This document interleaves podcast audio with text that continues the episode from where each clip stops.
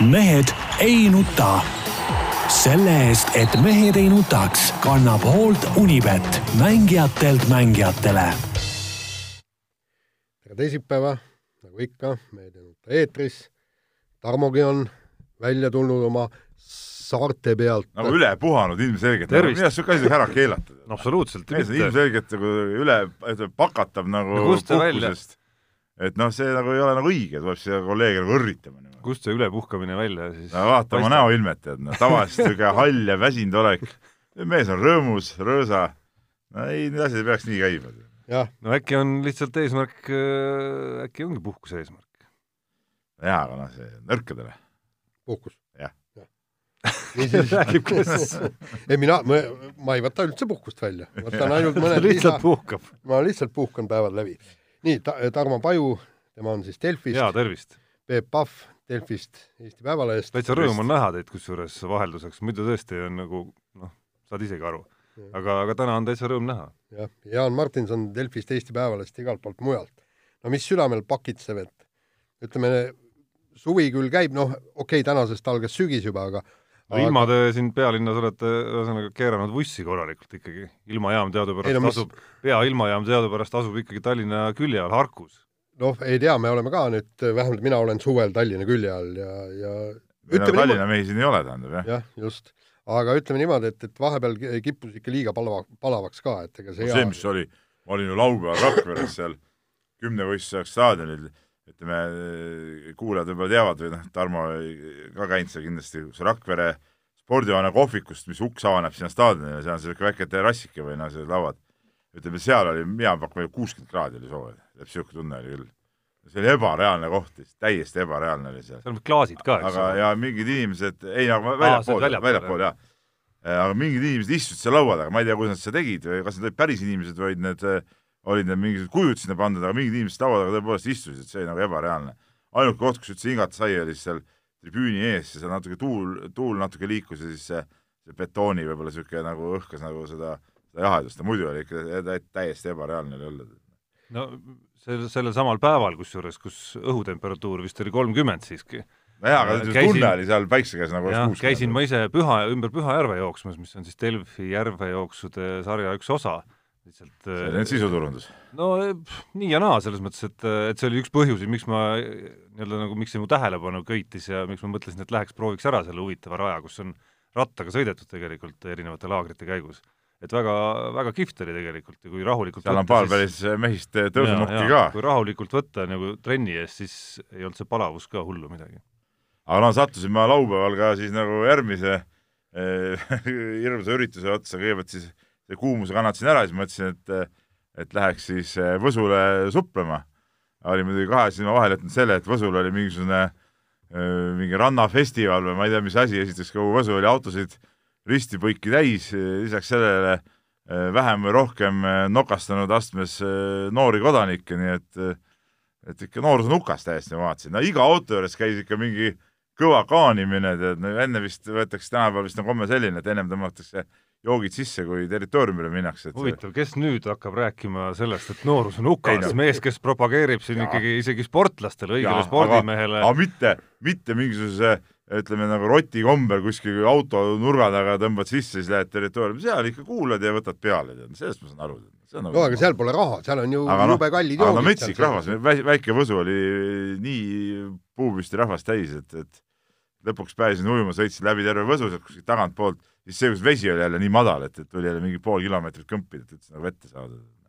No eelmise saate nagu jätkuks mul jäi väike võlg veel üles, eks ole, Hiiumaa tretilt, et ma nii palju selle puhkuse teema jätkuks ütlen. sa käisid seal selles Ristimäel Ristimäel käisid, jah? jaa, käisin nii, ära, kuna ikkagi käsk oli ja. rangelt kätte antud noorele kolleegile, käisin, ristid on pandud. nii, kas tea, sa seal talumuuseumis käisid, kus ma, ma rääkisin, kus saab koduõlut ja ma ei seda... tea, mis õudus nüüd juhtuma hakkab minuga muidugi ei no mis, nüüd, nüüd nagu sa puhastuse said, noh.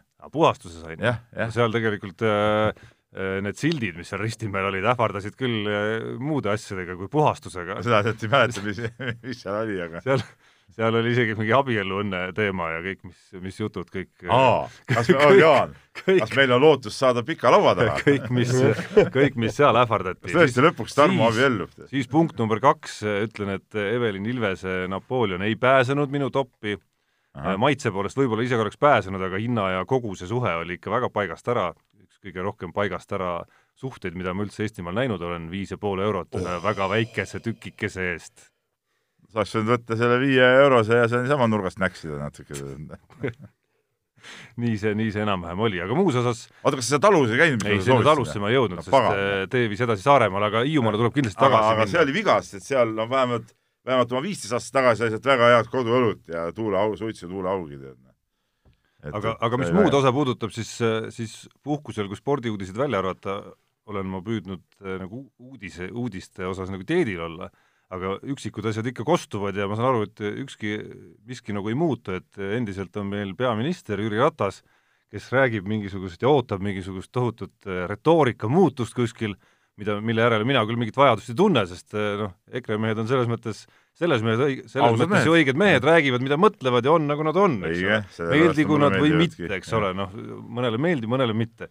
aga Ratas räägib endiselt mingisugust tohutust ootusest, ma ei tea, te olete abielumehed mõlemad, kas äh, sel hetkel, kui, kui see saatuslik hetk teie elus toimus, kas siis ka oli teil peas kumises mingisugune tohutu muutuse ootus, milliseks teie prouad peavad nüüd muutuma hakkama? Ma arvan, Või te proua, abielusite prouadel ikkagi- oli võib-olla see, et, et milliseks me peame muutuma. või te abielusite ikkagi nagu sellise, selle naisega, kellega te tahtsite täpselt sellisena, nagu nad on? no just, ja muutus saab olla peale abielu tagasi negatiivses suunas, see on nagu teada, et see nagu positiivsem Aga- üldjuhul nagu ei lähe, tead noh. jah, aga Ratas, näed, elab ikka mingisuguses, mingisuguses ma ei tea kus. jah, see paneb mind ka imestama ja ma loodan ka, et EKRE ei selle asemel, et öelda uhkelt, jah, ei selle asemel, et öelda aga- uhkelt, nii nagu näiteks äh, paar saadet tagasi Jaan siin rääkis ikkagi oma, oma abielust ja lillede kinkimisest, uhkelt äh, oma kallimast, selle asemel, et rääkida uhkelt oma valitsusest, oma sellest, mida kõike, mis vaateid me kõik esindame, tema räägib mingist muutuse ootusest kogu aeg ei. no asi ongi selles, et vaata, kui nad ka muutuks, siis nad oleks ju samasugused nagu kõik ülejäänud parteid, kes on nagu selgrootud eh, limukad, eks ole, kõik erakondlased, noh.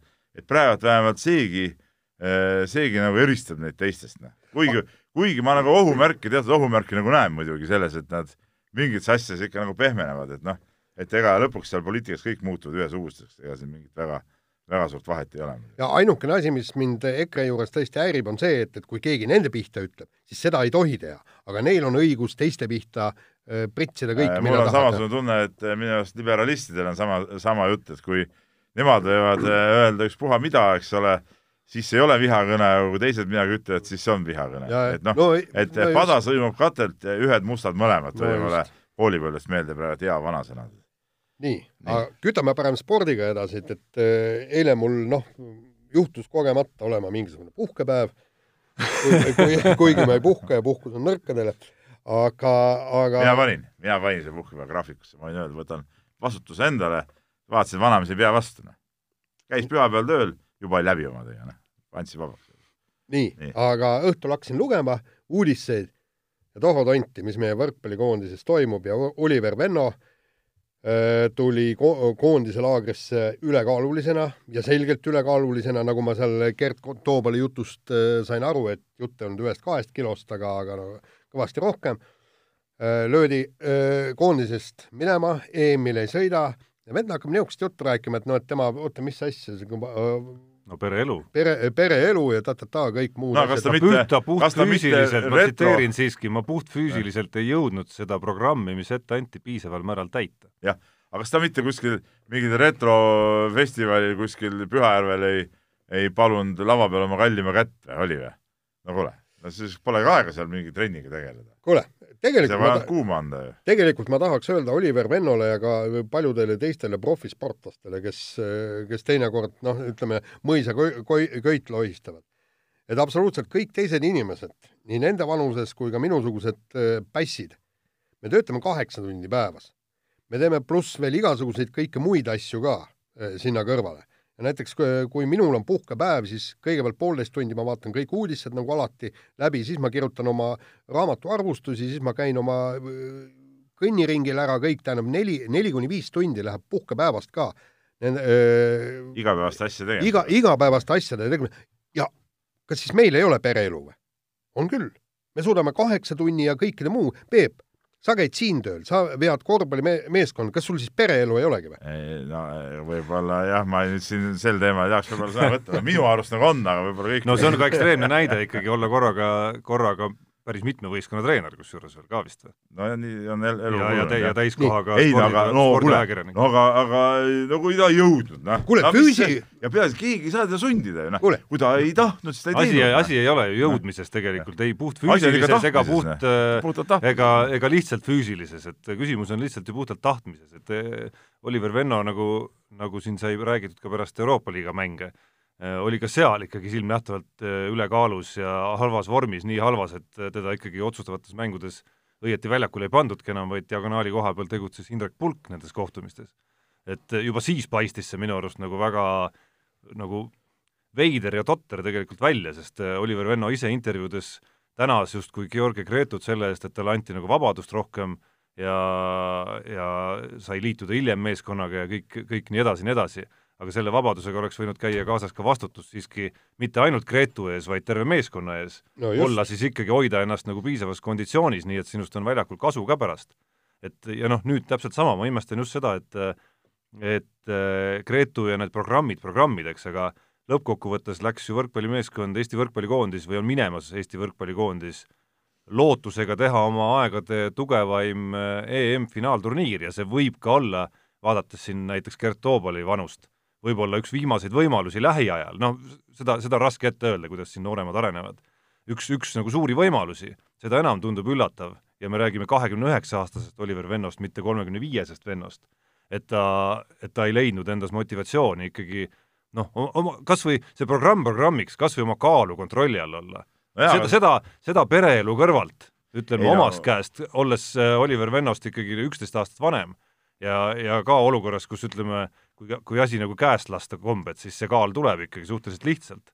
siis, siis see ei tohiks küll väga keeruline ülesanne olla. natuke toitumist jälgida, natuke liigutada. ja, ja aga no olgem ausad, ega, ega Oliver Venno, see ei ole esimene aasta, kui niisugused probleemid on, need on olnud ju noorest peale tegelikult, ma mäletan juba kümmekond aastat tagasi võib-olla, kui Venno, noh, võib-olla natuke vähem, kui Venno mängis koondises, kirjutas üks noor reporter Andres Kalvik, kuidas, kuidas Venno on ülekaalus ja, ja seal olid suured, suured skandaalid pärast seda, et noh, see on kogu aeg niimoodi olnud ja, ja ja no kui ei ole seda hinge sellist, noh, ütleme, oma leivaraha jaoks ta suudab ennast keset hooaega vormi viia, tõepoolest, mees oli Türgis, oli võimas, võimas pommitaja ja, ja kindlasti ma usun, et on uuel hooajal samamoodi.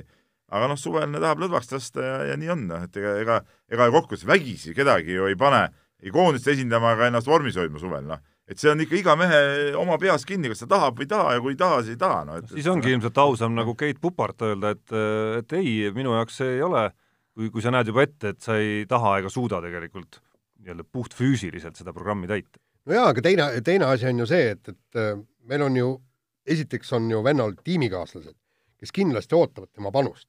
teiseks on äh, publik ja fännid. ja nüüd noh, lihtsalt sellepärast, et ma ei viitsi sellega tegeleda, lastakse ne, neile kõigile kõrge kaarega pähe, ausalt öeldes.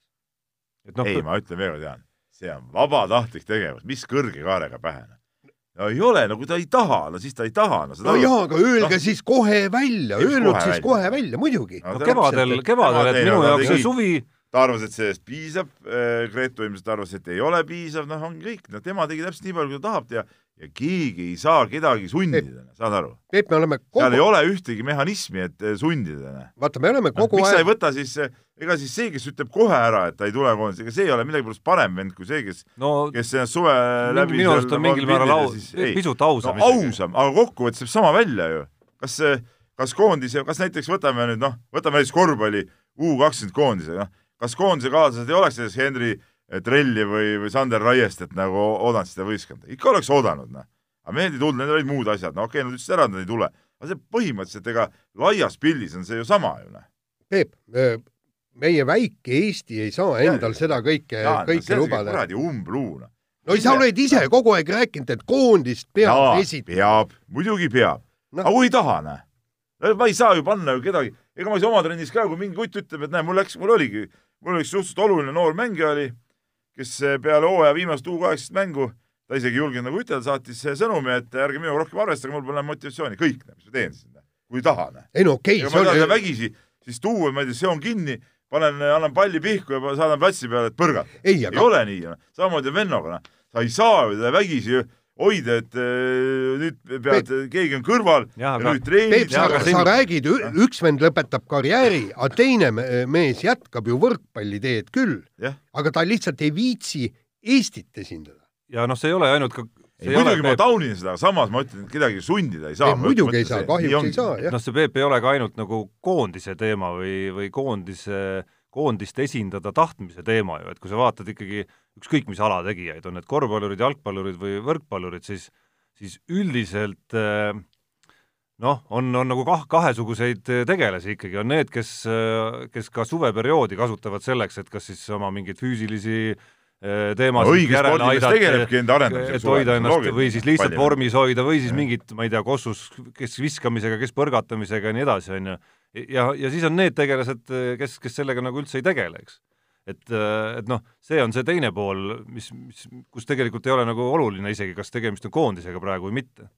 ei, ma nõus, loomulikult õige spordimees loomulikult teeb, aga ma ütlen, minu jutu mõte oli see, et kedagi no sundida ei saa, nii on. no nii, aga Lase siis aga on kõlli. aeg kõlli lasta, kahjuks ahah, no seda kõlli laseb. ära see. väga energiline, kuid lühike küll. kuulus Roosa Ila või?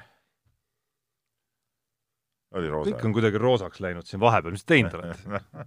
aga sinu asemel istus üks teine mees siin Rubinniku taga, ta lasi valel ajal ka neid kõlle. ja valesid kõlle valesid kogu aeg. kõlle, jah. nii äh,, lähme kiire vahemängu juurde ja Magnus Kirdil, meie kuulsal odaviskajal on siis äh, ülenaabrist äh, rivaal ühtäkki.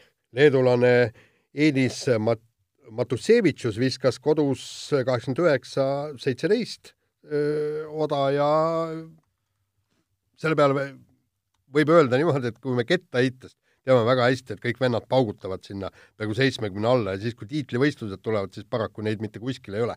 aga ma tahaks küsida, et, et see odav ise on tänavu kuidagi noh, ta ei ole nii särav, kui oli võib-olla eelmise, eelmised aastad. nii palju, kas Kirt ongi ainukene, kes üle üheksakümne on visanud või? tänavu. praegu pead julgen Minu meelest küll, jah. võib-olla küll jah, ütleme sakslased on sinna joone juurde pildunud, kuhu on lätlased kadunud, odaviskajad? Neid oli ju, neid on ju kogu aeg olnud, nii alates kõvat venda neil nüüd pole olnud muidugi. aga no sakslased on olnud ikka kõvasti siin viimastel aastatel pildil ja on üle üheksakümne kogu aeg pildunud, et et odavisk, ma tähele panen, üldse kuidagi käib nagu hästi lainetena käib see asi kuidagi, ka, ka viskajatel endil nagu, et mingid aastad on mingid vennad jube tugevad, nad panevad seal metsikuid viskeid, järgmine aasta mitte midagi välja ei tule, nüüd Kirt on nagu teist aastat järjest on nagu päris kõval äh, laineharjal, eks ole, et, et äh, noh, vaatame, mismoodi kaua- kauaks see jätkub. aga mis see leedulasse puutub, siis noh, ega niisuguseid üksikuid pauke on ju varemgi tulnud, noh ta endi- eelmine rekord oli vist kaheksakümmend viis, kui ma õieti mäletan, või kaheksakümmend neli, kaheksakümmend viis. ka sellest aastast. ka sellest aastast jah, et noh, nüüd neli meetrit juurde, noh ega seesama Kirtki näiteks kunagi ju viskas oma äh, kuskil hooaja lõpus seal äh, mingi nagu nii-öelda korraliku hüppe tegi tulemuses, et niisuguseid asju ikka juhtub ja ma ei usu, et ta nüüd tiitlivõistlustel selle ühe viske pärast nüüd, nüüd nii suures äh, mängus peaks kohe olema. no ilmselt ei ole. muidugi me näeme seda nüüd ära järgmistel võistlustel, kui ta hakkab stabiilselt viskama sinna kaheksakümmend viis pluss, siis küll, aga, aga selle ühe viske põhjal ei maksa nüüd mingit paanikat või suuri järeldusi teha. jah, noh, selle aasta fakt on tõesti õige, et äh, Kirt on ainus üheksakümne meetri mees praegu, et et Hoffmanid, Matusevitšused ja, ja siin Seifertid on kõik kaheksakümne üheksa peal ja siis juba järgmised kaheksakümne seitsme peal, nii et et natukene isegi on õhk hõredam seal, aga noh, mm on ka päris, päris sügavas no, sügises alles. põhimõtteliselt praegult jääb veel äh, kaks kuud MM-i alguseni, jah. aga vahetame teemat, minu puhkuse ajal äh, on Peep tegelenud äh, edasi Toomas Savi kunagiste ma ei teagi, kas saab öelda patutegudega, ütleme siis lihtsalt tegude äh, analüüsimisega. Pole külge jäänud mehele, noh. ja, ja on ka siis Toomas Savi endaga väikese kontakti suutnud tekitada ja Toomas Savi kommentaar siis kõikidele nendele aastakümnete tagustele dopingujuttudele oli lihtne ja lühike, ega kõik ei peagi kõigest kõike teadma. jah, ja tegelikult äh, sa oled ise ajakirjanduses kaua olnud, sa tead ju ise ka, et seal ajakirjanikul on võimalik ka teatud asju kuidas täpselt oli see, kuidas täpselt juurde kirjutada ju,. juurde kirjutada, midagi niimoodi jah, et, et noh. no selles raamatus küll, mis üle lahe välja anti, seal, seal ajakirjanikega väga pistmist ei olnud. jaa, aga noh, ütleme muud, muud teemad kõik, et aga noh, eks ta ole, no eks see Toomas Savi on üks, ütleme, värvika, värvika minevikuga tegelane, tead noh. et, et noh, tegelikult üks inimene siin juhtis tähelepanu ka, et tegelikult eh, sel ajal eh, on üks, noh, on eh, võimalik välja võtta, et kui ta oli ikkagi liidukoondises ka, et tol ajal ikkagi jäi neid sportlasi seal dopingu vahele küll, mitmevõistlejaid ka, et noh, tegelikult tegelikult noh, me seal kirjutasime, et noh, sellest ajast nagu mingeid eredaid niisuguseid mälestusi pole, aga tegelikult on, võib-olla need kõik ikka suure kella külge. noh, teistpidi, mis peaks olema Toomas Savi motivatsioon tulla avameelselt kõike seda nüüd rääkima? muide selle asemel, et rahulikult oma pensionipõlve veeta. jaa, aga tegelikult noh, tegelikult on, on ju asi, asi selles, et, et selleks, et, et minevikku natukene paremini mõista ja, ja võiks või,, võiks tõesti sportlased natukene ausamad olla, et, et, et siin, siin mõned, mõned on ka, Enn Sellik on ju rääkinud ja, ja mõned veel, et, et kuidas äh,, kuidas omal ajal need asjad käisid ja, ja no see on täpselt, täpselt nii, nagu see Pauli Nämala, see äh, odaviskaja, kui ta rääkis, et, kallid inimesed, kallid sportlased, ärge tulge jutustama, et teie ei teadnud nendest asjadest midagi.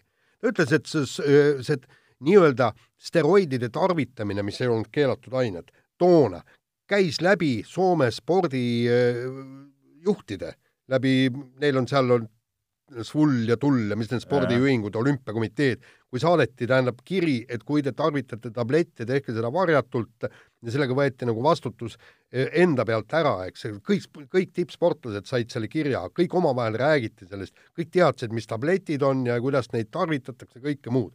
ja ärge tulge rääkima, et öelge jah, et kõik ei pea seda asja teadma või siis ma ei taha sellest rääkida või midagi, aga ärge tulge ajama loba nojah, nii on.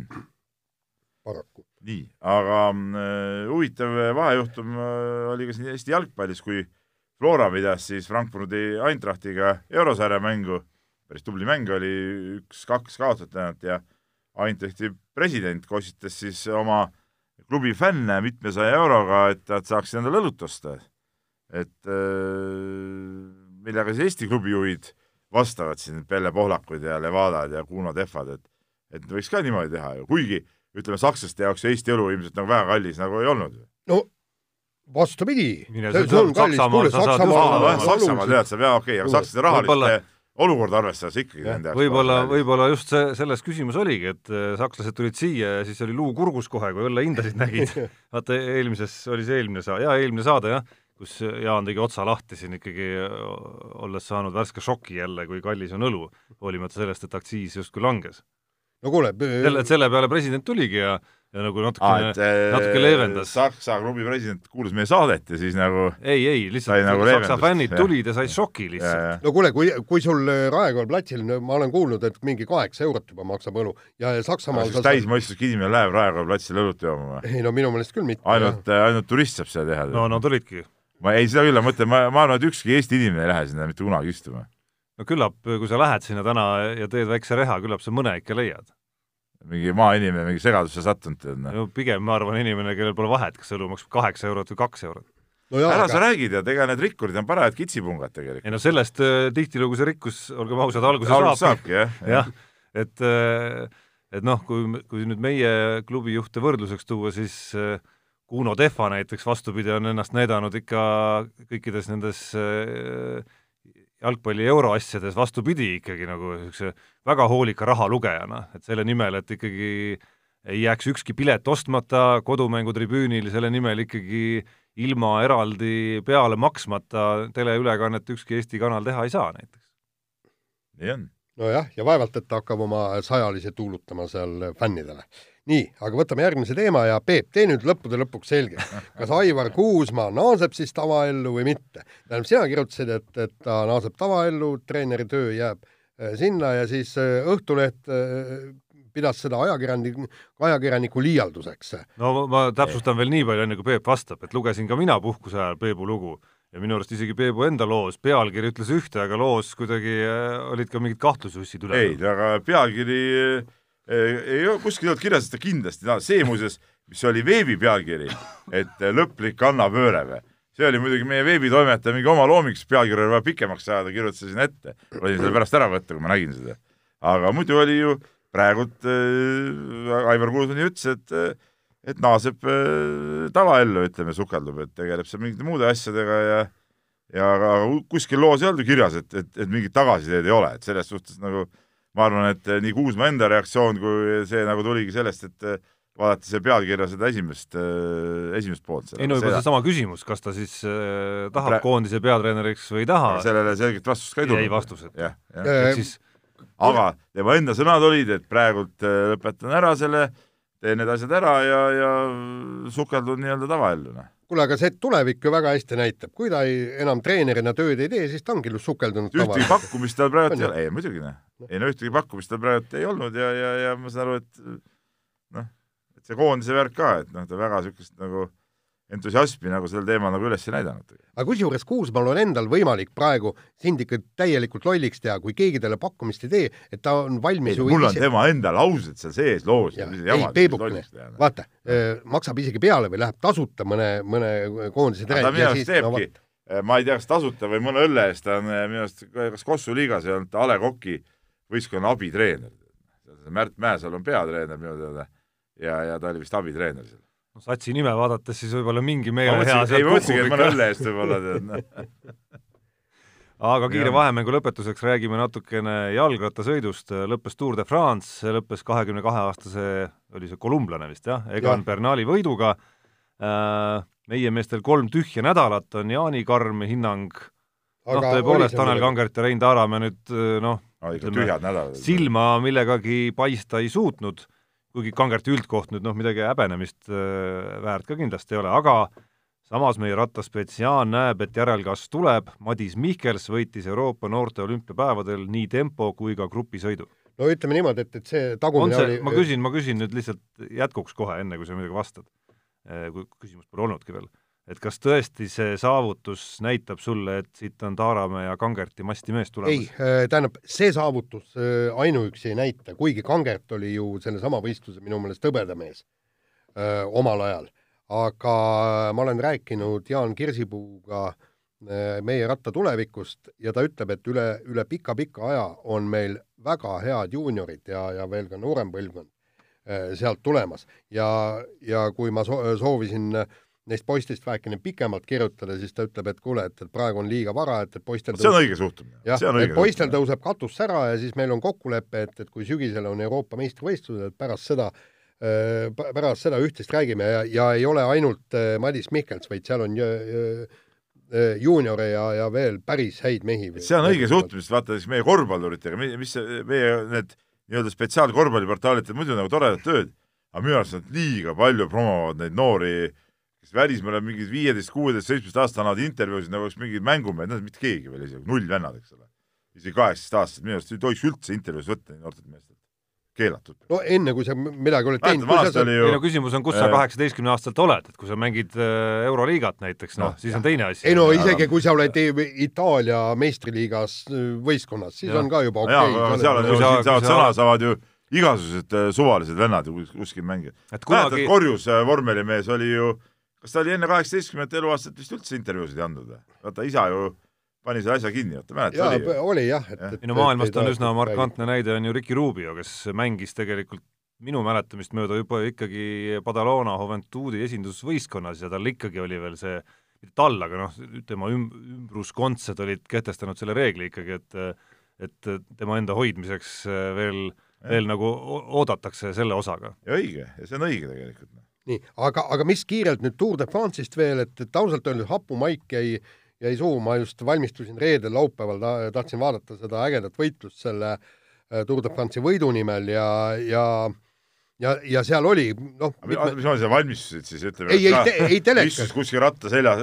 tõid, tõid ratta nagu tuppa teleka ette, et istusid ka sadula. ei, ma võtsin selle või, aja või võtsid õlle, õllekastid niimoodi kõrvale võileivad no,, krõpsud, näksid. ei no põhimõtteliselt ma panin selle aja endale kinni, et nüüd ma istun telekale, hakkan seda, seda Tour de France'i mõnu ja himuga vaatama, eks. ja siis muidugi käkerdati ära, sest sellepärast, et reedel, okei okay,, ma saan aru, et see ilmastikutingimus olid säärased, et, et tuli see viimane tõus ära jätta, et seal olid maalihked ja kõik, ja siis ühtäkki öeldi, et, et eel, eelviimase tõusu tipus me panime aja kinni ja, ja ja, ja, ja seal oli finiš ja, ja seal olid mitmed, Kuisvik ja, ja mitmed teisedki olid pahased, ütlesid, et jumal, me hoidsime jõudu viimaseks tõusuks, et meie taktika oli nii seatud, eks, et Egan Bernal läks, läks seal eelviimasel tõusul ründas kõik, aga mõtlesin, et okei okay,, las vend vungib, et me tuleme viimase tõusuga, teeme talle ära, eks. ja, ja tegelikult see oli absurdne, eks, et kujutad ette, et kümne tuhande meetri jooks, üheksa tuhat meetrit on läbitud, kõik, öeldakse stopp, stopp, nii, lõpetame ära, me seitsme tuhande meetri järgi panime, andsime teile nüüd auhinnad, näed, sina saad kulla, sina hõbeda, sina pronksi, eks. no miks ka mitte. no miks ka mitte. ja, ja muidugi siis, siis see viimane, viimane päev ka Äh, tegelikult siis päris huvitav, mul praegu tekkis mõte, päris huvitav võistlus oli, võistlus oleks, et lastakse lahti vennad ja keegi ei tea, millal on lõpp et nii kaua jooksevad, kui lõpuks ükskord peetakse kinni ja kogu aeg pead olema nagu ees. vaatame, kui andmine käiks ju. Rai kandmine käiks. ei, ütleme niimoodi, et nagu see too, see toolimäng, vaata, kus üks tool võetakse ära kogu aeg, üks on vähem kui inimesi. et põhimõtteliselt sa jooksed kümme tuhat, eks, aga kunagi ei tea, sa lõpetad kümme tuhat ära. võib-olla saja meetri peal finiš. jah, ja öeldigi, saja meetri peal oli finiš ja nüüd on niimoodi, eks nii, aga, aga siis see viimane päev oli ka noh, see distants oli mis viiskümmend üheksa kilomeetrit, pool sellest mäkke on ju, see, no seal ei olnud ka midagi vaadata, noh, tähendab, lihtsalt vennad löntsisid, kuna nad teadsid, nad ei suuda Bernali vastu midagi teha. kusjuures ääretult huvitav mõte oli, ma ei mäleta, kes selle välja käis, nad oleks tegelikult pidanud viimase päeva tegema eraldi stardist sõidu. ja vot siis oleks tõsine andmine käinud. asjad poleks šampust saanud ju või? Ei, mitte viimane, ma, ma mõtlen see viimane mägede. aa, see mäge, mäkke tõus eraldi. mäkke tõus, jah. et olude sunnil nagu see. jah, just ja. täpselt. jaa, see oleks olnud küll huvitav, jah. jah, aga noh, paraku läks nii. aga no vaatame, mis, mis siit edasi tuleb ja kas jah, anna, lase aga kõlli Unibetis saab tasuta vaadata aastas enam kui viiekümne tuhande mängu otseülekannet. seda isegi mobiilis ja tahvelarvutis. Unibet, mängijatelt mängijatele. nii, kas Tarmo, sina teed nüüd Unibeti värgi läbi esmalt ja siis lähme kirjade juurde või? no kuidas teil läinud on? ma pean ise tunnistama pattu. ma pean tunnistama pattu, et mul nagu läks eelmine nädal üldse meelest ära, et see andke andeks Unibetile, ma luban, ma täna teen ühe panuse, homme iga päev teen nüüd ühe panuse. oh, selline lööb veksel või? no Jaan kindlasti möllas. ei, ei ma, ma ei mölla, ainult ütleme niimoodi, et midagi eriti toimub, pole nagu midagi peale nagu panna ka eriti. no need äh, jalkaasjad siin olid vahepeal. mis jalkaasjad, no need mingid tundmatud klubid mängivad. ei no jaa, aga põhimõtteliselt ma paningi nende nii-öelda äh, tundmatute klubide vastu ja tuntud klubide poolt sealt, ühesõnaga ma praegu balansseerin, tähendab, omade piiril niimoodi et, et nüüd on mul mõned panused nüüd pandud ja, ja vaatame, et, et kui kõik pihta lähevad, siis ma olen peaaegu miljonär ja kui ei lähe pihta, siis ah, ma ei ole miljonär. ma arvan, ma tõusen järgmise nädalaga, tõusen plussi. võta niisuguse eesmärgi, tõusta plussi. kuule, seal muide rallid, see, see on väga huvitav, seal kindlasti ralli edustused jah, seal saab jah, mingeid asju panna, jah. ja no ma tunnen praegu, et niisugune nagu, nagu puhang tuli peale praegu. ahah jään äh, ootama huviga, need pu-, sellised puhangud panustades elu on näidanud, võivad lõppeda võivad lõppeda kahte moodi, ütleme niimoodi. tõenäolisem yeah. on see teine yeah., see, see, see teine mood. mina pean ka endale tuhka pähe raputama, jäin nimelt hiljaks natukene selle uue panuse äh, kommunikeerimisega, nii et see nädal meil eripanust ei ole, aga tõesti, kodune jalka, Celticud ja, ja Florad on konkurentsis ja ralli siis nädalavahetusel, on ma arvan need, kuhu tasub meil pilke suunata. no miski pole, muu pole põhiline, ainult ralli on põhiline. aga selleni me jõuame veel. jah, selleni me jõuame. nii, räägi. Lähme kirjade juurde ja kirju muidugi palju ja et peaks kõigepealt Jaanile nagu mingi sahmaka vett krae vahele laskma no,. ja, ja kirjutab meile sõber Martin, korrus altpoolt siis ütleme, meie igapäevastest ruumidest. see tundus vastupidi, mitte sahmakas vett, vaid täitsa sümpaatne areng Jaani juures minu arust. ei, mis asja, Jaan on tondistunud. see, et ta ei mängi seda fantaasiamängu. vaata, ma loen kirja ette. tere! kas Jaan on sellel hooajal NFL-i fantasi mängimise lõpetanud, sest veiniliiga uuenemise teadet pole tulnud ja hooaeg algab mõne päeva pärast. kas noored tulid liialt mühinal peale, et võidulootust enam polnud? Jaan, ja motivatsioon on kadunud kohe või? ei no Jaan alati, ma ütlen enne, kui sa hakkad vastama, Jaan on alati niisugune mees, et golfis tuli ta ka kunagi nii-öelda Eesti meistriks siis, kui golfi mängiski ainult tema ja veel mõni, mõni vend veel, eks ole, võib-olla, kes ei oskagi mängida. ta on alati uuenduslik alade mees kui ütleme, eh, normaalsed inimesed ka asja ära õpivad, no siis ta nagu ütleme, nagu taandub no ütlen niimoodi, et, et ma vaatan, mõtlen, kas me, kas me see on veenev muidugi. ei, aga, aga, aga mulle tundub Jaan, küll. ei, Jaan, aga teeme nüüd nagu ikka niisuguse asja ära.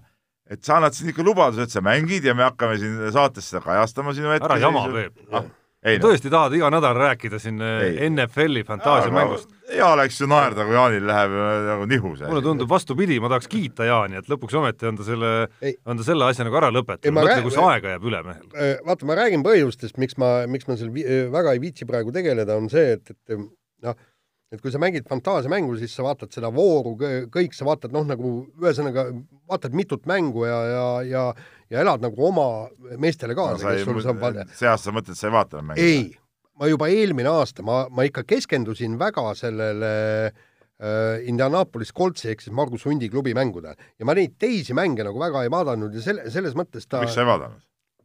no samal ajal toimusid need teised mängud ju. järgi seda vaadata. noh, järgi vaatamine, sa tead ise, et see ei ole ikka See see, see, see ei ole ikka, ikka see kõik, mängud ei ole samal ajal ju.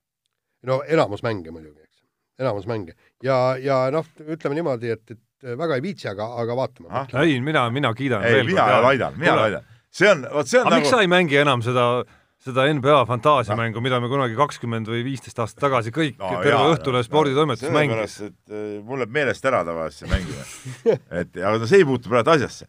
Aga Jaani puhul, eks ta üks ajaraisk Jaani puhul on, on see ikkagi nagu allakäigu trepi järjekordne aste ja, ja mandumise, noh, nii palju on, et kui ma, kui ma vaatan oma, ma. vaatan oma äärmiselt terast üheksakümne aastast vanaema, siis ta, siis ta ikkagi hoiab ennast teravana ju ristsõnadega ja noh, kõikide selliste asjadega, et Jaan, selles, selles mõttes on muidugi Peebul õigus, et et need on halvad märgid, kui sa hakkad nagu loobuma mingitest sellistest äh, äh, harjumustest, mis, mis sind teravana hoiavad. eks Jaani puhul neid täna, täna on fantaasiamäng, homme raamatud ja nii edasi. Jaani puhul neid pässistumise tundemärke on muidugi päris palju, tähendab, noh et see on nagu, see on nagu päris, päris raju ja just ükspäev sattusin, ma ei tea, mis, oota, mis pilte ma otsisin ja vaatasin. aa, neid Toomas Savi loo jaoks otsisin pilte ja ja, ja, ja siis tulid ette need noh, igast pildid, kus Toomas Savi on teadupärast suusatamisega seotud, Jaan on ka päris paljude piltide peal seal oli.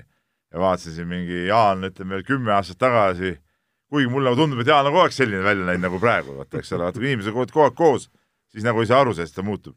aga pildi pealt vaatasin, siis muutus on ikka päris kardinaalne on ikkagi. üsna kardinaalne, jah et, ma olen sellega rahul, mis mul on. küll, küll ei ole muutunud mingid muud omadused sealjuures minu arust, et mul jääb ikkagi elu lõpuni meelde, kui ma olin kuueteistkümneaastane lapsajakirjanik veel äh, suvereporter ajalehes Eesti Sõnumid ja kajastasin siis äh, kuni kahekümne kolme aastaste äh, Euroopa korvpalli meistrivõistluste valikturniiri, mis toimus Tallinnas Kalevi spordihallis, kus. Martin Müürsepp ja kõik need mehed kohal olid. see oli siis minu esimene mälestus Jaan Martinsonist. ta nägi välja ka teistsugune, noh, kaalugi ma arvan, paarkümmend kilo oli vähem, aga ütleme, kõik see muu hulluajamine see, see on see oli täiesti olemas ja see minu mälestus on hetkest, kus ta käis siis pärast Iisraeli mängu äh, pidas seal üle saali põhimõtteliselt tohutut väitlust Heino Rebase ja Jüri Neissaarega, kes karjusid ta peale. ei no mina karjusin nende ja tema karjus vastu üritades äh, siis selgeks teha, et miks ja, ja mismoodi ei saadud kinni nelikümmend üks vist punkti visanud 43 Oded vist. Rataši või oli see nelikümmend kolm ja miks ikkagi ei toodud mängu Margus Tinti, kes oleks pidanud teda Ei. võtma ja nii edasi, nii edasi. Tarmo, Tarmo, see vaidlus tähendab, sa nüüd mõtle, tähendab, nad, ma ei mäleta, kelle nad selle, selle Iisraeli venna peale panid, eks. Kaido Seil vist oli Kaido, Kaido põhiosa Seil ajast. oli, nii, ja Kaido Seil uskumatu muidugi, esi- et meenub mäletada niisuguseid asju. Ei, mis Kaido, see oli väga tore mees ju. ja esimesest minutist kuni sisuliselt viie, viimase minutini tema kattis, ta ilmselgelt, ilmselgelt oli näha, et ta ei suuda tema katmisega toime tulla. ütleme, Kaido Seil ei olnud just kõige teravam ja kiirem mängumees, muidu, muidu tore mängumees, eks ole, aga võib-olla see ei olnud jah tema kõige parem roll.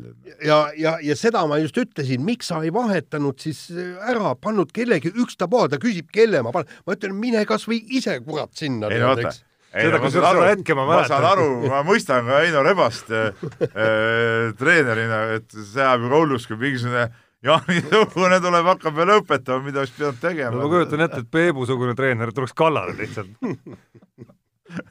ei no aga ütle, kas see oli normaalne, Peep, kas on normaalne, kui sa ma, näed, ma olin ka tookord mängus, ma, kusjuures huvitav see, et ma, ma seda mängu mäletan, ma seda Jaani ja Rebase karjumist ei mäleta. aga, aga, aga jah. No,, kas sa kui, kui sul ei saa mees ilmselgelt kaitses hakkama ja sa ei tee, sa ei muuda, sa, sa ei pane, üldjuhul üritad isegi ikka muuta muidugi, No jah aga noh, aga ikka, mis Jaani puudutab, siis ikkagi jah, Jaan, ütleme, minu silmis on Jaan kogu aeg ühesugune nagu olnud. nii, paneme edasi. paneme edasi jah, nii, ja Kalle kirjutab meile, ta saatis kirja meile oma Hu- Huawei mobiiltelefoni, nagu siin kirja all on kirjutatud. aga aga see selleks, nii, tere mehed, lugesin Delfist artiklit Rait Ratassepa treeningumahtudest. mis on muidugi ulmelised. tekkis küsimus, milleks see kõik? mees teeb oma nelikümne päevaga nelikümmend triatlonit ära, kuhu edasi? kas varsti teeb mees aastaga kolmsada kuuskümmend viis triatlonit ja siis teeb triatlonit, kuni surm neid lahutab? hullumeelsus. ei no minu meelest kolmsada kuuskümmend viis äh, äh, triatloni aastas, see võiks olla, see võiks olla küll eesmärk. edasi? lõppeesmärk, no siis, no kunagi lihtsalt siis lõpetad karjääri või? siis lõpetad karjääri, jah. aga kas ütleme, kas äh, ma mõtlen, kas Rait Ratasepea organism üldse äh, peaks karjääri lõpetamisel vastu? ei peaks, esialgu ei peaks. ta peab tegema tuleb... trenni edasi aeg. ja, ja vaata, kui Jaan Kirsipugi oma intervjuus ütles, et, et ta, ta la, langetas koormusi, noh, ütles, et mo mootor lihtsalt ütleb üles, kui ta ühel hetkel täiesti seisma jätta. ma, ma pakun välja, et tal läheks selle treeningu mahu pealt niimoodi, et, et no tavapärasel võib-olla tund-kaks päevas trenni, ta läheks äh, kolm-neli-viis aastat läheks selleks, et see hoog niisugune ühe tunni peale maha võtta. eks selle piiride kompamisega natuke nagu Kallel endal, vaata, selle õlle joomisega, et äh, ta ei joo ta on valku vabatatud. tal oli vaata kakssada õlut nädalas vist, Ekspress kirjutas sellest ja sada oli ühe nädalavahetusega. eks see piir viis sinna. kompas selle piiri ära, eks Ratasepaga on võib-olla sama, et ta kompab mingi maani selle piiri ja siis tõmbab tagasi nii, aga äh, ikkagi viimaseks võtame ka teadlase Priidiku, kes iga saade meil saatnud huvitavaid seekord oli päris korralik pähkel. seekord on päris korralik pähkel, minul üks vastus on olemas küsimus sellest, nii, seekord siis küsimus füüsiliste eelduste karjääri kokkusobimatusest.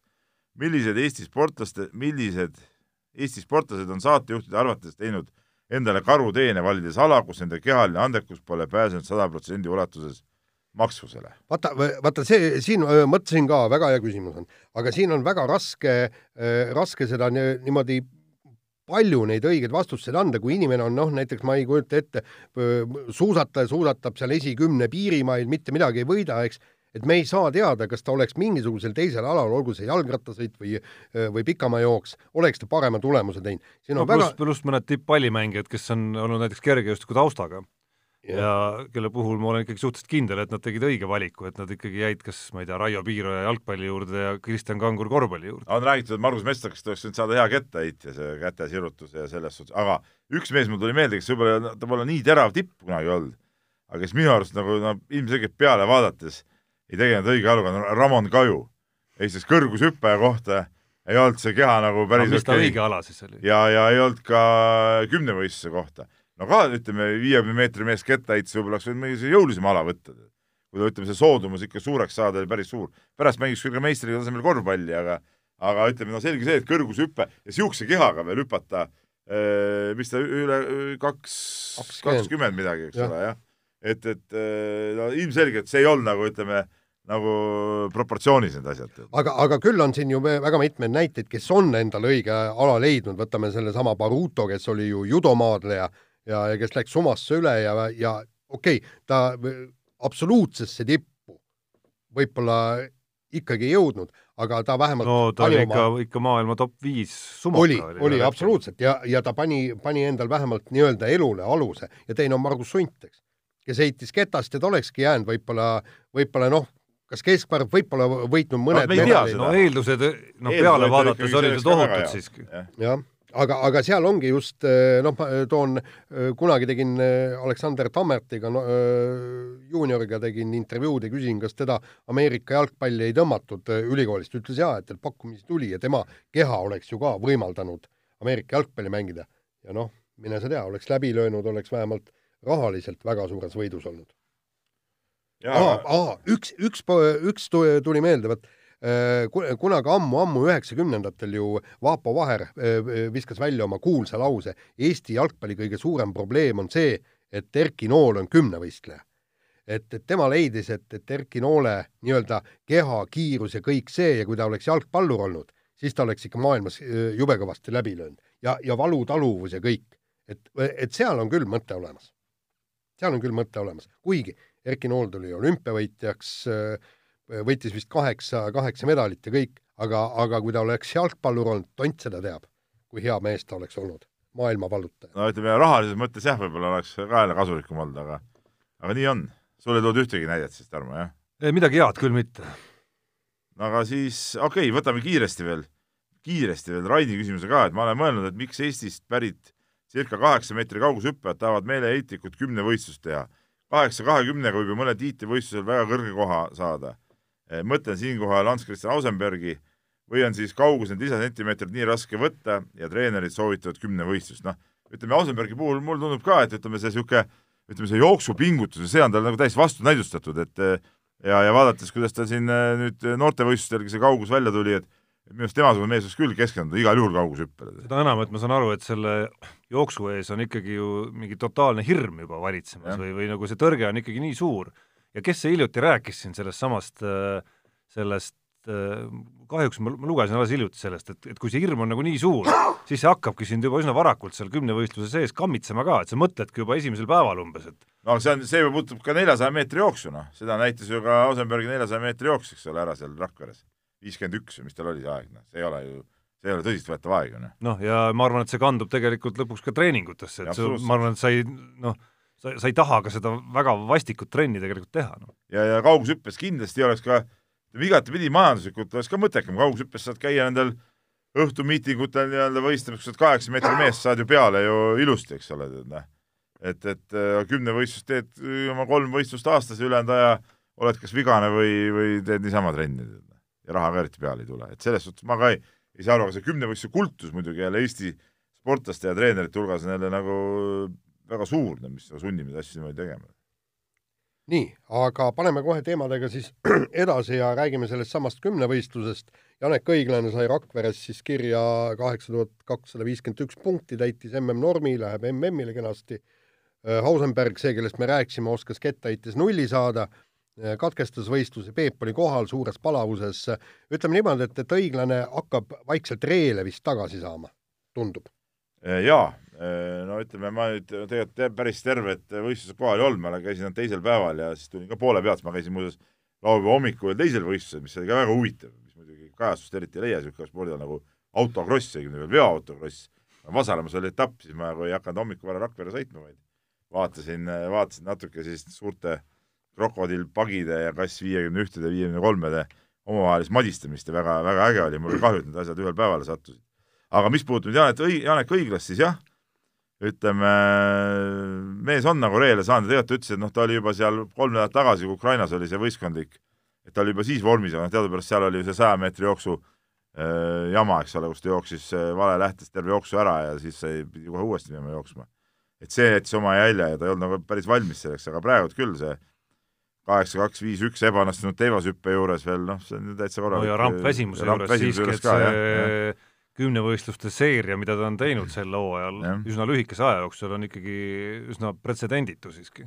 et see tema see jooks ja see oli nagu võimas ja see odav ise oli ka ikkagi vägev, noh, see oli noh, see, see oli nagu, see oli ikka viske moodi, noh, see ütleme, seitsekümmend kaks meetrit, sa ka näed ka, kuidas oda ikka lendab juba. et noh, mulle tundub, et siit, siit on nagu noh, enam-vähem tema see tippmargi lähedane tulemus on temast tegelikult nagu sees olemas praegu. ja nüüd on MM-ini veel kaks kuud aega, eks ole, et ta jõuab teha kõik need ettevalmistuse asjad korralikult ära, et kui tervis kimmutama ei hakka, siis ta võiks küll nagu ütleme, sellel tulemuse, ütleme punktisumma poolest Londoni tasemel küll teha seda võistlust igal juhul. igal juhul MM tuleb põnev. ja MM tuleb äh, meie mõttes põnev, sest et ega noh, Maicel Uibo võiks ju ka olla, olla konkurentsis, et nüüd ongi see küsimus, kuidas temal nagu see MM-iks valmistumine, see viimane lift nagu õnnestub, et kus ja mismoodi seda teha saab, noh, et tema asjad on alati niisugused nagu lahtised. kes see kolmas mees meil? ei, kolmandat meest nagu praegu ei, ei olegi minemas, aga noh, aga no see selgub siin veel võib-olla. võib-olla sealt keegi veel kuskilt, kui eest ära kukuvad, siis võib-olla kellelegi jõuab seal järg kätte, aga aga, aga jah. nii, vahetame teemat, läheme jalgpalli juurde, Eesti kaks jalgpalliklubi pääsesid siis eurosarjades esimesest eelringist edasi ja eelmisel ja sellel nädalal need mängud on toimumas suurte ja nimekate klubide vastu, Nõmme Kalju duellist Glasgow Celticu vastu noh, puhuti siis õhk üsna siva selles mõttes välja, et esimene mäng oli võõrsil ja Celtic võitis selle noh, pigem võiks öelda ikkagi ettearvatult kindlalt viis-null, nii et sportlikku pinget tänaseks kordusmänguks enam jäänud ei ole, küll aga on vist õhus äkki eelmise nädala A Le Coq Arena äh, publiku, nii-öelda nagu Eesti klubide mängude publikurekordi ületamine. ma küll ei usu, mille pealt seda arvad? no selle järgi, mida Kuno Tehva on öelnud, palju pileteid müüdud on. no ma ei, ma ei pea seda nagu reaalseks ausalt öeldes. ja, ja punkt kaks, räägime siis selle sissejuhatuseks lõpuni, FC Flora kaotas siis Frankfurti Eintrachtile kodus üks-kaks ja läheb siis kordusmängule selliselt seisult vastu no ütleme niimoodi, et, et see Flora tegi, tegelikult mängis ilusa mängu ja oli veel viigivõimalus, kui latti löödi tegelikult see Vassiljevi nii-öelda keerutamine seal, seal nurgas ja lõpuks sööt värava ette, see oli ka briljant. selle eest oleks võinud kaks väravat anda, ma arvan. oleks võinud küll, aga aga siit seda kummalisem ikka kogu see Vassiljevi saaga, ma olen nagu mõelnud viimasel päris palju selle peale, et mees on siin teinud kõvasid mänge, eks ole, ja, ja ilmselgelt on nagu heas vormis mis pagan see Poolas ikka siis oli, et ta seal ei sobinud kuidagi sinna võistkonda? no ei tea. seal on naljakas ka öeldud, jah ja.? no tuli uus treener ja ei no jaa, aga uuel treeneril, seda on no, juhtunud, seda on juhtunud ju nii väga nimekates klubides väga nimekate mängijatega, mäletad, Peep Barcelonas alles paar hooaega tagasi, selline mees, ma räägin korvpallist praegu, nagu Tyrese Rice. jaa, no see tema langus oli ka müstiline. tuli, äh, ühel hetkel kupatati lihtsalt äh, madalamasse ja. liigasse, kui, kui ei saadud kokkuleppele lepingu lõpetamises ja kogu lugu, istuski seal. kuule, aga te, tehke mulle nüüd lõpuks selgeks, et mis, mis jama see on, et Nõmme Kalju mäng te, telekast ei näe, tähendab, see, see kõik see, kõik see jutt, pagana mingid, et, et fännid sinna tuleks ta,, ta-ta-ta, kuulge, meil on ju Eestimaal ikkagi neid lapsi, kes mängivad jalgpalli, kes tahaks näha seda mängu ja, ja, ja ütleme, jalgpallifänne, see, see ei ole ainult Tallinna keskne, me peame ikka arvestama kogu Eestiga. no kõikide nende eurosarja aastate jooksul on äh, Kuno Tehva ajanud natukene erinevat liini võrreldes teiste Eesti tippklubidega, mis puudutab äh, kodumängude ülekandmist, ehk siis kui kui teised klubid on nagu noh, printsiibis olnud nagu rahul sellise kokkuleppega, kus äh, kes iganes see kanal on, kes seda mängu näidata tahab, maksab kinni selle ülekande tootmise, siis saab ta seda ka näidata. aga Kuno Tehva ja Nõmme Kalju on ikkagi ajanud päris mitu aastat ikkagi nagu seda liini, kus lisaks nende tootmiskulude kinnimaksmisele tahab ta saada siis nagu nii-öelda nagu lisaülekandeõiguse eest ka veel mingisugust no, raha, mis, mis, mis justkui, mis justkui tasandaks siis seda, et äkki mõni inimene jätab pileti ostmata. aga mujal maailmas ongi niimoodi asjad. no mujal maailmas on, aga, aga Eestis ilmselgelt seda äh, võimekust selliseid summasid maksta ja neid vaatajaid ja reklaamijate huvi ei ole lihtsalt. Nii, nii see lihtsalt ongi. Ütle mulle, kas me saame panna geoblokeeringu ümber Tallinna, näiteks kahekümne kilomeetrine või kolme kilo, kolmekümne mitte eriti efektiivselt, pigem ei. okei okay., sellepärast et muidu võiks teha, et Tallinn seda ei näe, aga, aga Võru inimene, noh, ta tahab näha äh, Celticut, aga noh, paraku nojah. et vot, aga tulles korra nagu mängulise poole peale tagasi, et, et kindlasti tahaks äh, ühe, noh, me siin kritiseerime päris tihti ja jalgpallurid on saanud seda kriitikat päris palju, aga FC Flora selle hooaja, äh, tahtmata nüüd ära sõnada selle kordusmängu eel midagi, aga FC Flora selle hooaja eurosuvi on ikkagi tõesti väga sümpaatne olnud, mitte ainult sellel põhjusel, et äh, et need, et see kajastub tulemustes, aga mängupiltigi vaadates seda, seda nagu võitlust ja, ja seda nagu hasarti vaadates tundub, et seal on, seal on asjad nagu päris hästi. Ja kui me siin äh, ootame tegelikult ükskõik mis pallimängualal alati, et äh, kerkiks ka esile mingisugused oma nooremad mängumehed, siis selles mõttes on ikkagi olnud lust Florat äh, nii vähe kui palju me siin jalgpalli jõuame jälgida, vaadata, et kas või seesama Erik Sorga esiletõus, milliseid me väga tihti siin omaenda tippklubides tegelikult ei näe, et et selles mõttes see on nagu väga südantsoojendav nii, võta järgmine. nii, aga äh, südant soojendav on ka see, et äh, Kalev Cramo, meie Eesti korvpalli lipulaev, on äh, ikkagi hooajal võistkonda komplekteerimas ja ja mõni, ütleme, Eesti mängija on ka sinna tee leidnud. Martin Paasoja siis, ütleme, Eesti meestest on sõlminud lepingu ja, ja tulnud Kreeka esiliigas tagasi ja minu arust see on igati tervitatav käik, et võib-olla siin mõni mees veel lisandub sinna võistkonda niisugune, keda, kes seal pole varem mänginud, et see oleks nagu see oleks nagu tore. ja Paasast me oleme varem ka rääkinud, et miks ta ei võiks Kalevis mängida, eks ole, et nüüd, nüüd see asi on nagu tehtud, et no vaatame, kuidas mees välja veab uuel tasemel. no siin kõlakaid on ju veel Eesti ja. veel nooremate mängijate osas, kellest mõne nimi on siin saates läbi isegi käinud, et, et Kalev on tahtmas vähemalt neid endale saada või kedagi sealt pundist nagu endale saada. Kristjan Kullamäed küll ei saadud, ja mul natukene tagantjärele, ma ei tea, sa, Peep, oled võib-olla rohkem suhelnud Kullamäede endaga ka, et, et mis need argumendid seal lõpuks olid, mulle tundus see kuidagi üsna nagu üsna sobiv kooslus Kullamäele karjääri praeguses faasis. oleks minu arust ka sobiv kooslus, aga me tegelikult rohkem ei ole sellest, sellest rääkinud, kui et see kindel soov, nagu ma saan aru, et oli ikkagi jätkata seal välismaal, et lihtsalt mitte, mitte tulla koju ja Hispaania esiliigat, noh, peeti nagu just nagu mänguminutite poolest ka nagu sobivaks kohaks et ütleme, Kalev Cramo VTB liigas Robert Stelmachersi käe all arvan ka, ei tundu mulle olevat üldse kehv koht arenguks absoluutselt mitte, ma olen täiesti kindel selles, et see ei ole kehv koht ja, ja loodame, et siin mõned mehed hakkavad arenema ka selles kohas. aga selles osas ma muidugi nõustun, et see Kreeka dessant, sealt see esiliiga variant on nüüd nagu noh, ära proovitud risti ja põiki. see nagu ei ole nagu midagi erilist. ja väike pettumuse noot jäi ka sinna juurde just Stendi Musoko osas, et, et Sokk siis aitas oma Saloniki Iraklise kõrgliigasse, aga nüüd, kui läheb kõrgliigaks, siis, siis tema seda hüpet nagu kaasa ei tee. aga ega me täpselt seda tausta ka ei tea, et, et kas seda pakkumist enam oli, eks ole, et, et aga siin ta on nagu Eesti klubidega noh, on üsna lähedal nende diilidele, et jaa, no mul pigem see pettumuse noot ongi, et ma kahtlustan, et ju see nii oligi, nagu sa ütled. ega tema näitajad ei olnud, ütleme, mingid meganäitajad, okei okay,, tal oli ka kõvem klubi, ütleme nendest kolmest kreeklasest tema näitajad tegelikult olid kõige kehvemad, samas ta oli kõige kõvem klubi, eks ole, noh et, et noh jah, et mul on, mul nagu kahju natukene sellest, et, et ta nagu seda sammu kaasa ei teinud. absoluutselt. aga hüppame ralli juurde. hüppame ralli juurde ja Peep äh, läheb äh, homme Soome. homme hommikul laevaga Tudut, Aurik. koos kümnete tuhandete no homme veel kümned tuhanded seal Auriku peal kindlasti ei ole, need tulevad ikkagi, pakun välja neljapäeva õhtuks, reede hommikuks sinna kohale. jaa, aga Soome ralli, äh, mille Ott Tänak eelmine aasta võitis, kindlasti soovib ta seda võitu korrata ja ta on ka soosik number üks, aga no siin tuli, viimasel nädalal tuli igasuguseid küsimusi ja, ja soomlased kirjutasid väga huvitava artikli, rääkides Otiga, Marko Märtiniga, et miks, miks Tänak ei ole uut lepingut sõlminud. kuigi jutt oli ju vaata jah. just, et ta, ta, ta tahab enne Soome rallit selle kaelast ära saada, et siis saaks hooaja teise poole keskenduda tiitli võit, võitmisele.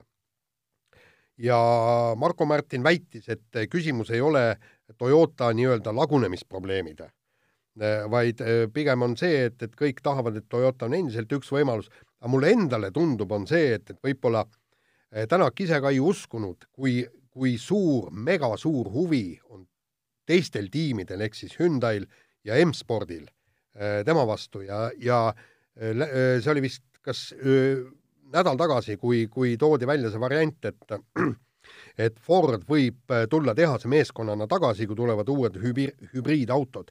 Ja kes nii-öelda tegi valmis selle Fordi, mis nüüd, millega Ogier võttis kaks MM-tiitlit järjest. see oli Ott Tänaku auto. tema ju testis seda autot ja, ja tema ju oligi see põhiarendaja, selle auto arendaja. ja vot see on nüüd minu meelest üks põhjus, mikspärast kõik Ott Tänakut jahivad. sest ta suudab selle auto väga kiirelt ja väga hästi sõitma panna. kui ta Toyotasse tuli, mäletad, alguses ju ütles sinu intervjuus, et see oli nii-öelda Soome ralliks mõeldud auto ja ta ei käitunud ja. teistel pinnastel nii, nagu ta oleks pidanud käituma. Läks pool aastat, auto korras. ja, ja, ja, ja, ja siin, siin vaevalt, et Esa-Pekka Lappi tegi selle töö ära, ikka Ott Tänak. ikka Ott Tänak muidugi, jah. ja, ja, ja, ja praegu on siis noh, väga head pakkumised, kõik, ma arvan, et, et mitte võib-olla isegi rahaliselt, aga kuldavad igasuguste noh, boonustega seda Tänakut üle, sest kõik tahavad ju endale saada. aga läbirääkimistehnilistelt, tehniliselt võiks üks mõttekoht veel olla, miks nagu venitada sellega, eeldusel, et, et see hooaeg võiks lõppeda MM-tiitliga. tõsi, ei ole vist väga tõenäoline, et ta päris nagu hooaja lõpuni venitaks sellega. sest see, sest see, ma saan aru, et see aken on liiga väike, mis jääb sinna kahe hooaja vahele. tegelikult äh,, okay, ma mõtlen maailmameistri, mõte on see, et maailmameistrina muutuks need pakkumised ilmselt veel kopsakamaks lihtsalt. seda küll, aga muuseas ei saa välistada varianti, et tegelikult on lepingud juba tehtud. vaata Jaan, on ka varasemad hooajad olnud, kus on, kus on räägitud mingit umbluud, eks ole. aga tegelikult on diilid juba tehtud, aga lihtsalt seal on tiimidel ja nendel on omad ajad, millal nad tahavad nende juttudega välja tulla ja seniks aetakse mingit täielikku soga, eks ole. et, et see võimalus noh, võib olla täitsa olemas, et tegelikult on juba diil tehtud. ja ka see võimalus on olemas, aga, aga, aga nüüd, kui rääkida puhtalt sellest rallist, siis taaskord tähendab Ott Tänaku kiiruses ei kahtle keegi, eriti veel Soomes, sest Toyota on Soome, Soomes on ju nende kodurada, nad on ju seal kõik arendustööd teinud, testitööd teinud seal Soomes, et, et seal, mis seal vastu võib, vastu võib tulla? punkt üks, et Latvala. Latvala ja Miik. ei no Miik, Miigiks, noh, ega Latvala on ikka Soomes olnud kõva et ja ta, tal on ikka, ta on niisuguse võitnud, ta on olnud ka selle Toyotaga seal liidri kohalt katkestanud, eks ole, et noh, et see on nagu variant, et see on temale jaoks nagu variant, ta oli eelmine aasta vist ka kolmas, eks ole. et, et on variant, kus nagu tulla nagu mängu jälle tagasi. Miika ka tead muidugi võitnud, Miika ka võimalus. teiste autode pealt nagu no Suninen. jah, Teemu Suninen, jah. Suninen, jah, see soomlastele Soome ralli on alati sobinud aga teist, ma ei näe nagu väga seal teisi niisuguseid variante. no kui ma, kui ma meie sõbra Unibeti lehele nüüd äh, siin saate ajal korra scroll in Soome ralli koefitsientide juurde, siis siis on enam-vähem pilt nagu Tänak versus kõik ülejäänud. et Tänak on seal umbes kahe koma ühe peal oma koefitsiendiga ja edasi tulevad kõik ühtlaselt seal, Neville, Ogier, Latvala, Evans, Miik, Suninen. Neville. loo ära Unibetist, no võtke mõnikord kõne mulle või Jaanile, kui tahate teha, kus see Neville sinna sai siis ega Ožee ka ei ole seal nüüd väga hiilanud viimasel ajal. no just, ja ju, just mind seal on ikka, seal on Soome on ikka jälle spetsiifiline ralli, kus ikka spetsiifilised vennad nagu aga Latvalal on mis nagu koefitsient on? seitse koma viis. kuule, mõttekoht. Miik on üksteist. kuule, mõttekoht. siia või sinna. aga Suninen? Suninen on kolmteist. kuigi ma kuidagi võitjana teda hästi ei näe, aga mine sa tea, Lappi ka üks aasta kuskilt tuli ja võitis. ja ei, ma ütlen, Soome ralli on ja seal puhtalt... katkestatakse ka ikkagi. jaa, ja Soome ralli on väga spetsiifiline ralli ja seal soomlased tegelikult ise on Soomes alati väga kõvad olnud. et ütleme niimoodi, et, et loomulikult äh, tahaks enne ma usun, ma ütlen vahele, enne ma usun Sunineni kui Neuvilli võitu Soomes. no ei, absoluutselt. ja kusjuures Ott Tänaku peale muidugi tahaks raha kõik panna, aga toob tagasi jube vähe. vähe võite. nojah mina nii väikseid panuseid ei pane kunagi. kaks midagi, mis asja, mõttetu panna. oled sa kindel, et sa ei ole pannud ühtegi panust? no võib-olla kunagi olen, aga ma ütlen, põhimõtteliselt mulle nagu tundub see, see nii narr, nii narr võit, et ma tahaks kümnekordseks tagasi saada, siis on nagu pointi. jah, paned tuhat sisse, kümme tuhat võtad välja. no aga ma saan aru, et siit siis tulebki see, sinu selle ja. nädala sinilinnu püüdmine, Teemu Suninen ja kolmteist koma null. ei ole paha mõte, võib-olla ma kindlasti midagi panen sinna. ja pa-, ei no kümme eurot paned, sada kolmkümmend võtad, no oledki liider. jah, mehed, nii et imege näppu. no väga hea, Peep on sellise näoga, et nagu oleks see, see raha kõik tal taskus juba põhimõtteliselt olemas ja mitte kümne-eurose panusega, vaid tuhande eurose panusega. kümne tuhande. just. nii, aga no nii. sellega on saade, saade läbi, kuulake meid nädala pärast, siis on selge, mis on saanud äh, Ott Tänakust ja põhimõtteliselt nautige äh, Eesti sügist. mehed ei nuta. saate tõi sinuni Unibet, mängijatelt mängijatele